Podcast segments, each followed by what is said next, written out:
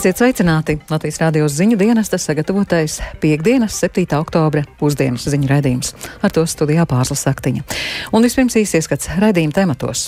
Baidens brīdina par augstāko kodolu uzbrukuma risku kopš augstā kara beigām. Arī eksperti draudus aicina uztvert nopietni. Jebkāda kodolieroču izmantošana būtu briesmīga un tā būtu katastrofa, kas mūs ievestu jaunā laikmetā, kurā mēs nevēlamies būt. Neievēlētie deputāti un partijas meklē iemeslus vēlētāju uzticības zaudēšanai. Teicām, ka vajag vakcinēties, lai nemirtu viennozīmīgu pozīciju ieņemām 24. februārī, kad sākās agresija. Es to nožēloju, es ar to lepojos, bet uh, vēlētājs palika neizpratnē. Stāstīsim arī, cik valsts budžetam izmaksās aizejošo deputātu pabalstīšana.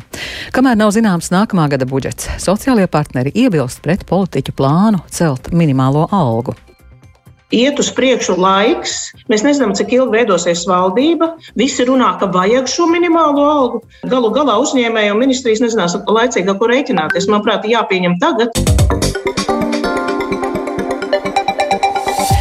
Amerikas Savienoto Valstu prezidents Džo Baidens brīdinājis, ka pasaule pirmo reizi kopš augstā kara beigām atrodas uz kodola konflikta sliekšņa, jo Krievija nopietni apsver kodola ieroču lietošanu Ukrainā.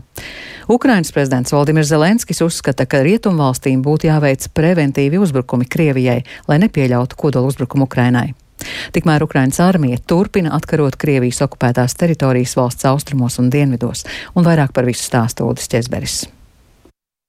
ASV prezidents Džo Baidens paziņojis, ka iznīcinoša kodola uzbrukuma risks ir sasniedzis augstāko līmeni kopš 1962. gadā pieredzētās Kubas raķešu krīzes, kad ASV un Padomju Savienība par mata tiesu izvairījās no kodolieroču izmantošanas vienai pret otru. Baidens sacīja, ka viņš pietiekami labi pazīst Krievijas prezidentu Vladimiru Putinu, lai varētu apgalvot, ka Kremļa saimnieks nejoko, kad runā par kodolieroču, bioloģisko vai ķīmisko ieroču izmantošanu karā Ukrainā. Prezidents norādīja, ka pat tikai taktisko jeb mazākas jaudas kodolieroču izmantošanai Ukrainā būtu katastrofālas sekas. Putins un citas Krievijas augstākās amatpersonas pēdējās nedēļās ir brīdinājušas, ka gadījumā, ja tiks apdraudēta Krievijas suverenitāte, netiek izslēgta iespēja izmantot taktiskos kodolieročus. Eksperti pieļauj, ka Kremlis šo nosacījumu attiecina arī uz nu pat anektētajām teritorijām Ukrainas austrumos un dienvidos. Arī bijušais ASV prezidenta Baraka Obamas padomnieka nacionālās drošības jautājumos vietnieks Bens Rauds uzskata, ka Krievijas draudi par iespējamo kodolieroču izmantošanu Ukrainā ir jāuztver ļoti nopietni. Time, decades, Šī ir pirmā reize ļoti daudzu gadu laikā, kad mums ir nopietni jāuztver iespēja, ka varētu tikt izmantoti kodolieroči. Jebkāda kodolieroču izmantošana būtu briesmīga un tā būtu katastrofa, kas mūs ievestu jaunā laikmetā, kurā mēs nevēlamies būt. Ukrainas prezidents Volodimirs Zelenskis uzskata, ka Putins parakstīs sev nāvis spriedumu, ja Krievija veiks kodolu uzbrukumu Ukrainai. Viņš arī aicina NATO veikt preventīvus jeb apsteidzošus triecienus Krievijas teritorijā, lai nepieļautu iespēju, ka Krievija pielieto kodolieročus Ukrainā. Prezidents gan neprecizēja, vai viņš ar to domā kodolieroču vai konvencionālo ieroču izmantošanu pret Krieviju. Ukrainas armija turpina pretuzbrukumu operācijas valsts austrumos un dienvidos.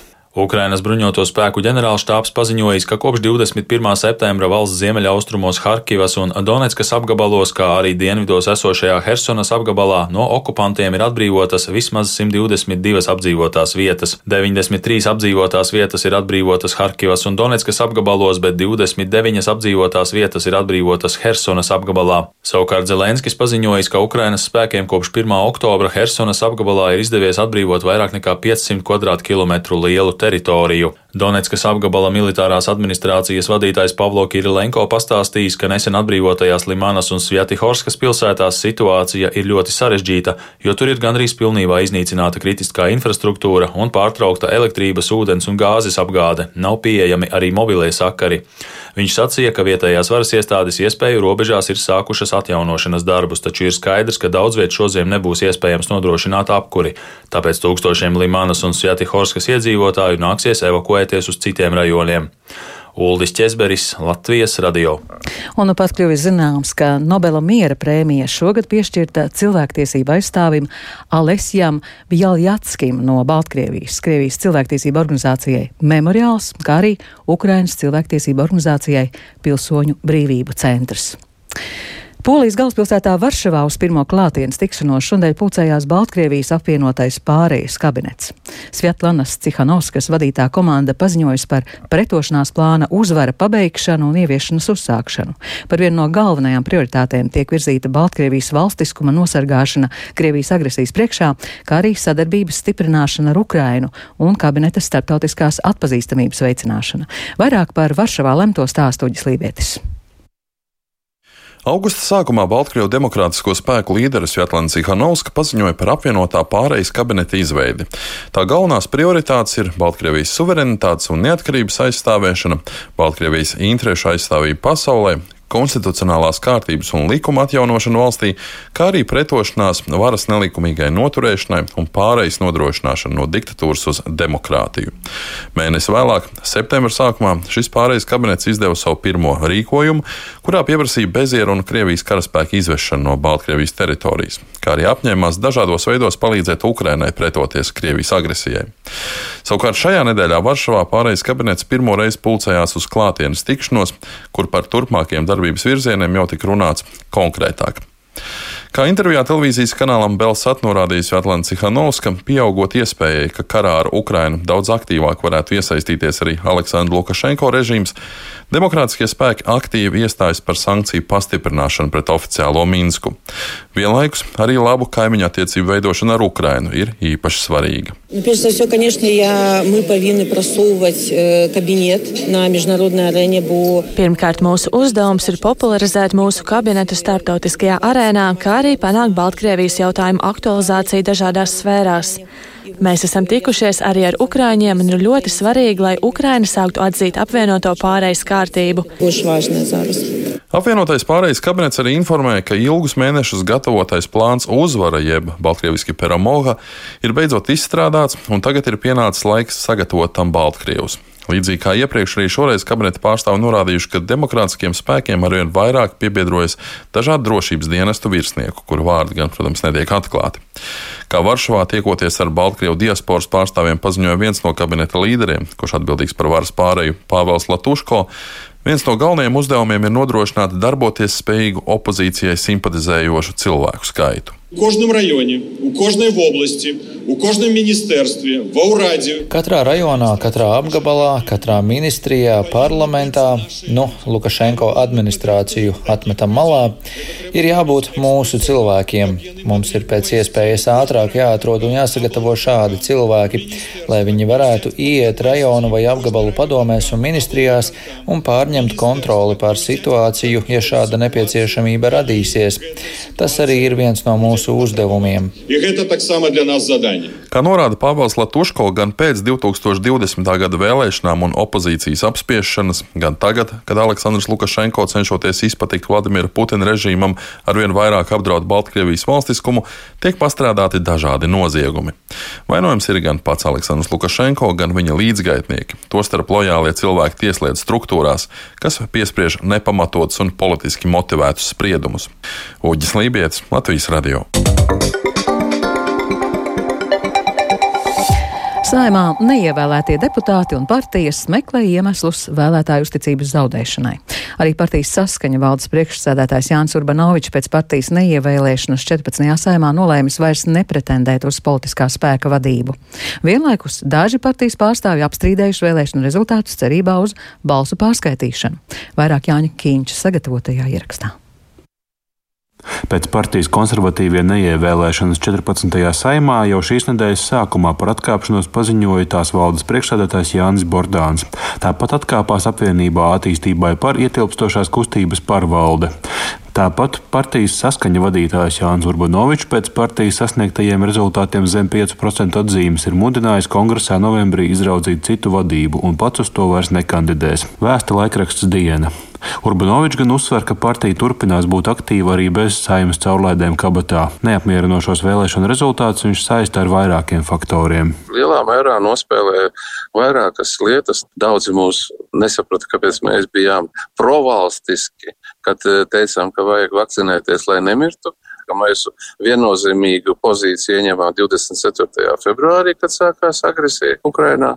Un arī, kad mēs bijām pārāk atsaucīgi pareizticīgo baznīcas vadībai, iegūstot neatkarīgu statusu, ko mēs atbalstījām. Es to nožēloju, es ar to lepojos, bet vēlētājs palika neizpratnē. Un bija tādi, kas viņam izstāstīja to, kā nevis principiāli mūsu pozīciju, bet gan kā sadarbību ar nīsto varu. Tomēr daži saskaņas aktīvisti mēģina apstrīdēt vēlēšanu rezultātus. Regina Ločmela, Georgijas Jakovels un Gundars Udrs iesniegumā Centrālajai vēlēšanu komisijai rosinājuši atcelt visu vēlēšanu rezultātu balsu skaitīšanas protokolus un organizēt balsu pārskaitīšanu par septīto sarakstu saskaņu. Arī sīkpartijas tautas varas spēks pārstāvji Valentīns Jeremējevs un Jānis Straumīts rosina balsu pārskaitīšanu vairākos desmitos vēlēšanu iecirkņu. Par konstatētajām protokolu noformēšanas neprecizitātēm turpina Regina Ločmela pat, ja tiks atklātas, ka tas ir tikai tehniskas kļūdas, manuprāt, tas ir nepieņemami, ka saimas vēlēšanas laikā tiek pieļautas tik rūpjas dokumentu noformēšanas kļūdas. Neviena iestāde, pat no parasta cilvēka, nepieņems kaut ko, ja dokuments nebūs pareizi noformēts. Vienlaikus savu izvērtējumu par attīstībai par neievēlēšanu 14. saimā sniedz arī tajā ietilpstošās partijas izaugsme vadītājs Andris Skride. Partija ir pārstāvēta Madonas un Ķekavas vietvaru domēs, un pēc Skrides domām nākamajās pašvaldību vēlēšanās partijas pārstāvji varētu startēt individuāli, savukārt parlamenta vēlēšanās kopā ar kādu sadarbības partneri saimas vēlēšanās mēs noteikti būsim kopā ar kādu lielāku spēku. Tas būs iekšējo diskusiju jautājums, protams, nu ar ko. Skride ir pārliecināts, ka apvienībā attīstībai pārietilpstošās partijas varēs turpināt sadarbību. Šajās partijās ir uh, darbīgi cilvēki, kaut kam ir jāmainās, pašiem savas kļūdas ir uh, jāsaprot, un sarunu rezultātā redzēsim.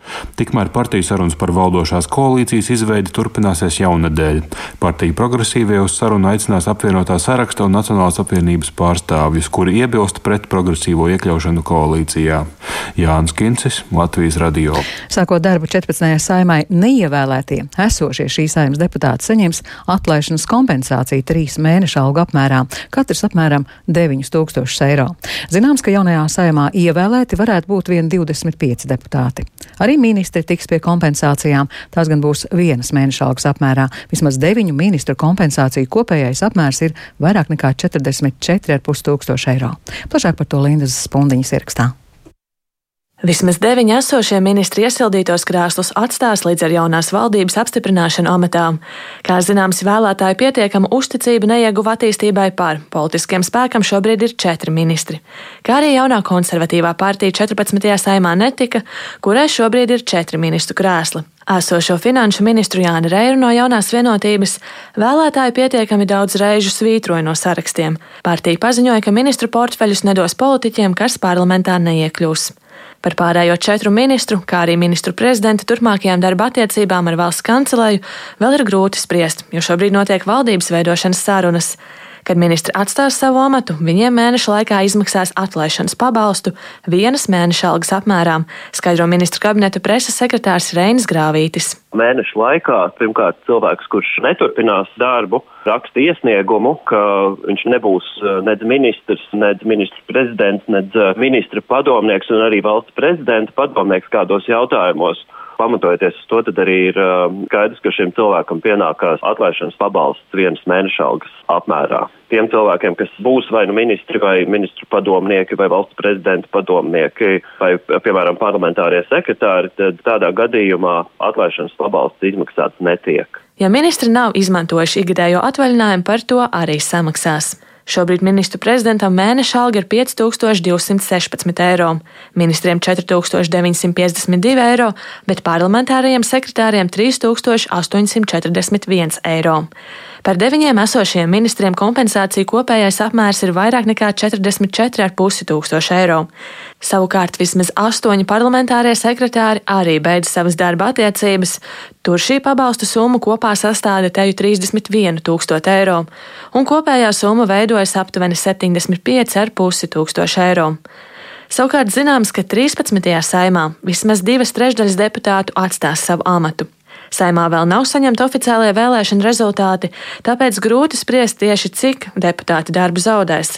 Parlamenta deputātiem atlaišanas pabalstu izmaksā triju mēnešu algu apmērā, skaidro Saimas sabiedrisko attiecību biroja vadītājs Juris Vīgulis. Jāņem vērā, ka šis pabalsts visiem deputātiem nebūs vienāds. Pabalsta apmērs atšķirsies, jo arī algas ir atšķirīgas atkarībā no papildu amata pienākumiem. Nu, piemēram, ja deputāts strādā kādā komisijā vai frakcijā, un viņam ir vadošs amats šajās frakcijās vai komisijās. Respektīvi, pabalsts tiem 13. sēmas deputātiem, kuri nav kandidējuši 14. sēmas vēlēšanās vai kuru pārstāvētais saraksts nav iekļuvis parlamentā, tiks izmaksātas vienā maksājumā. Mazliet citādāk ir ar tiem deputātiem, kuriem vēl ir iespēja kļūt par 14. sēmas deputātu, nu, piemēram, pēc valdības apstiprināšanas stājoties to deputātu vietās, kas kļuvuši par ministriem. Šādā gadījumā pabalsts tiks izmaksāts pa daļām, izmaksājot ne vairāk kā vienu mēnešu algas apmēru mēnesī. Gadījumā, ja deputāts šajā trīs mēnešu periodā tomēr atkārtot iegūs mandātu, pabalstu izmaksās tikai par to laiku, kad viņš nav bijis deputāta statusā. Saimas deputāta pamatalga šajā sasaukumā ir 2963 eiro pirms nodokļu nomaksas. Tas nozīmē, ka 14. saimā neiekļūs deputāts saņems nepilnu 9000 eiro kompensāciju pirms nodokļu nomaksas. Taču ar papildu amatiem atalgojums var sasniegt atsevišķiem deputātiem vairāk nekā 3000 eiro mēnesī pēc nodokļu nomaksas. Šobrīd zināms, ka 75 deputāti nav ievēlēti 14. saimā. Linda Spundiņa, Latvijas radio. Politiķu iecerē par 120 eiro celt minimālo algu skartu katru piekto Latvijas iedzīvotāju, kas līdz šim saņēmuši 500 eiro algu. Tomēr pret politisku minimālās algas celšanu iebilst sociālie partneri, vērtējot, ka šī lieta ir jāskata nevis parlamentā, bet jaunajā valdībā līdz ar nākamā gada budžeta iespējām. Plašāk par tēmatu Lindas Zalāns ieraksts. Sāksim balsojumu Andris Skride par, Vitālijas Orlovs. Vitālijas par. Evita Zālīte Grosa, par Jānis Krišāns, par Normunds Žunna, atbalstu, Ilmārs Dūrītis. Atbalstu. Saimas sociālo un darbu lietu komisijas sēdē deputāti šodien vienbalsīgi lēma, ka nākamajā ceturtdienā saimā otrajā lasījumā jāskata priekšlikums no nākamā gada celt minimālo algu līdz 620 eiro, bet 700 eiro apmērā no 2024. gada. Uz otro lasījumu papildus priekšlikumi nav saņemti. Deputāte Evita Zālīte Grosa no konservatīvo frakcijas aicina nekavēties ar minimālās algas celšanu un norāda, ka jautājums diskusijās ir iestrēdzis pārāk ilgi. Arī Nacionālā trīspusējā padome par to nav spējusi vienoties. Mēs gaidām, gaidām, un NTSP nevar vienoties. Tas nozīmē, ka faktiski iet uz priekšu laiks. Mēs nezinām, cik ilgi veidosies valdība. Visi runā, ka vajag šo minimālo algu.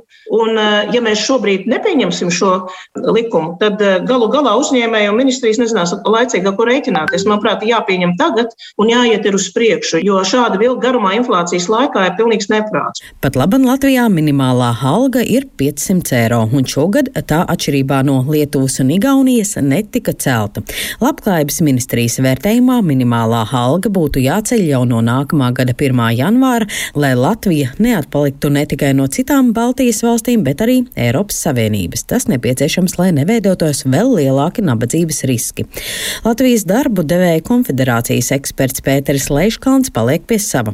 Minimālā alga jāceļ, bet viņa prāt nevajadzētu pārcelt uz parlamentu tās lietas, kurām jānotiek sociālā dialogu laikā. Pamatā tas notiek tātad budžeta pakas ietvaros, NTSP izskata jautājumu un sociālā dialoga ietvaros, tas ir arotbiedrības un darba devēji kopā izrunā lietas kopā ar ministru kabinetu, un ministru kabinets budžeta pakas ietvaros pieņem lēmumu, tā tas ir bijis, un tā tas arī būs. Un tas noteikti šogad notiks. Tur nav vispār nekādu domu.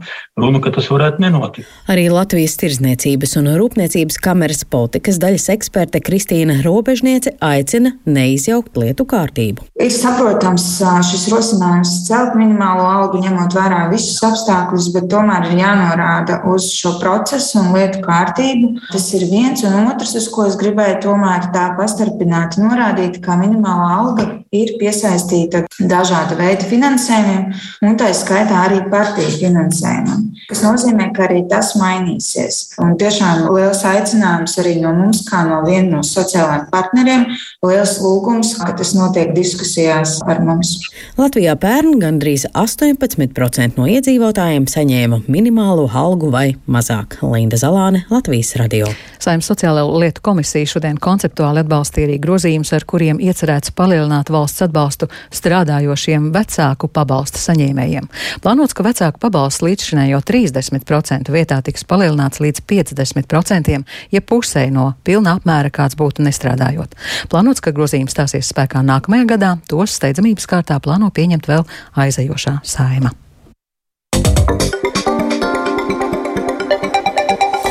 Kurināmā deficītu un augstās cenas daļai risinās iegūstot šķeldu no aizaugušām pļavām. Šāds lēmums pieņemts Dienvidkurzemes novadā. Pēc novada reformas pašvaldībā ir vairākas pilsētas un apdzīvotas vietas, kur ir atšķirīgas situācijas un izmantotā apkuras sistēma. Šobrīd notiek kapitāla sabiedrība apvienošana, un par situāciju Grobiņā un Dienvidkurzemes novadā vairāk interesējusies Inga Šajās oktobra dienās grobiņā jau uzsāka apkurss sezonu, un fonā dzirdams, kā darbojas jaunais granulu katls stāsts Sijā grobiņas namservis valdes locekle Ginta Veidemane. Šī ir mūsu tā reakcija uz šī gada notikumiem ar visiem gāzes cenu kāpumiem. Pašvaldībā spērti soļi, lai sagādātu arī papildus kurināmu un samazinātu izmaksas.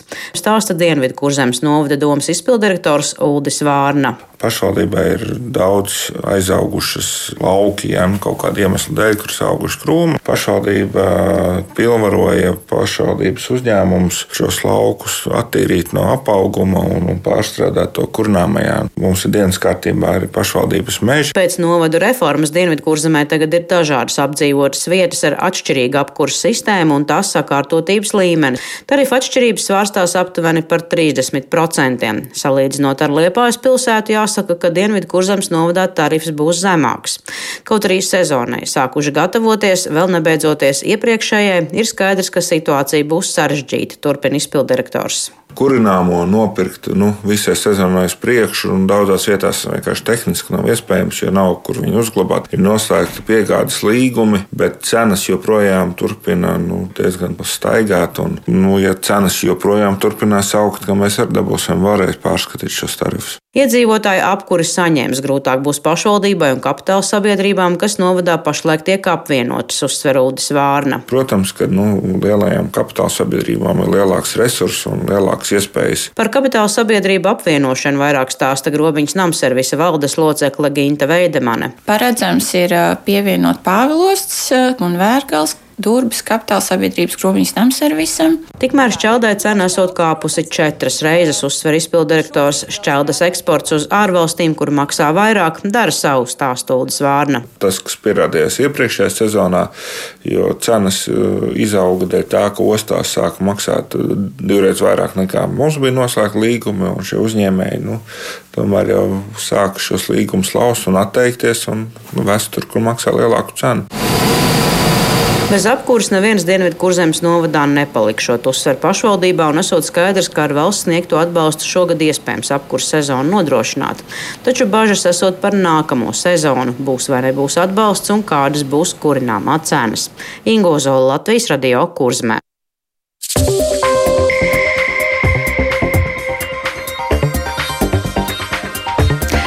Dzirdējāt pusdienas ziņu raidījumu. Tā producents Edgars Kupčs, ierakstus montēja Renāša Steimanis, par labskaņu rūpējās Katrīna Bramberga, ar jums runāja Pāzla Saktiņa. Un šobrīd svarīgākais - Nobela miera prēmija šogad piešķirta cilvēktiesība aizstāvim Alesam Beļatskim no Baltkrievijas, cilvēktiesību centra Vjasna līderim, kurš šobrīd atrodas apcietinājumā Baltkrievijā.